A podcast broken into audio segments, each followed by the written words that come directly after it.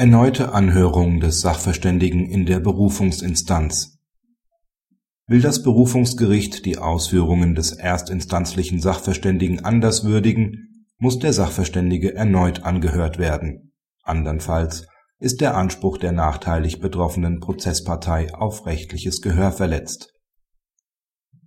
Die Parteien des Rechtsstreits haben einen Kaufvertrag über Keukarpfen abgeschlossen.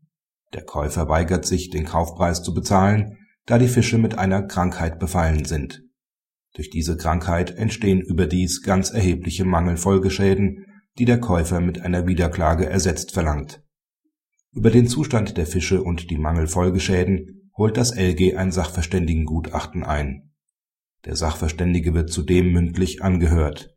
Anschließend gibt das Landgericht der Kaufpreisklage statt und weist die Wiederklage ab das OLG entscheidet in der Berufungsinstanz allerdings gegenteilig. Es wertet dabei die Aussagen des Sachverständigen komplett anders, ohne diesen allerdings noch einmal anzuhören. Der BGH beanstandet dieses Vorgehen. Das Oberlandesgericht hätte den Sachverständigen nach den Paragraphen 529 Absatz 1 Nummer 1, 398 Absatz 1 und 402 ZPO erneut anhören müssen Will das Berufungsgericht die Ausführungen des Sachverständigen anders würdigen als das Ausgangsgericht, gebietet dies der Anspruch der nachteilig betroffenen Partei auf rechtliches Gehör gemäß Artikel 103 Absatz 1 Grundgesetz. Denn nach § 529 Absatz 1 Nummer 1 ZPO hat das Berufungsgericht seine Verhandlung und Entscheidung die vom Gericht des ersten Rechtszugs festgestellten Tatsachen zugrunde zu legen, soweit nicht konkrete Anhaltspunkte Zweifel an der Richtigkeit und Vollständigkeit der entscheidungserheblichen Feststellungen begründen.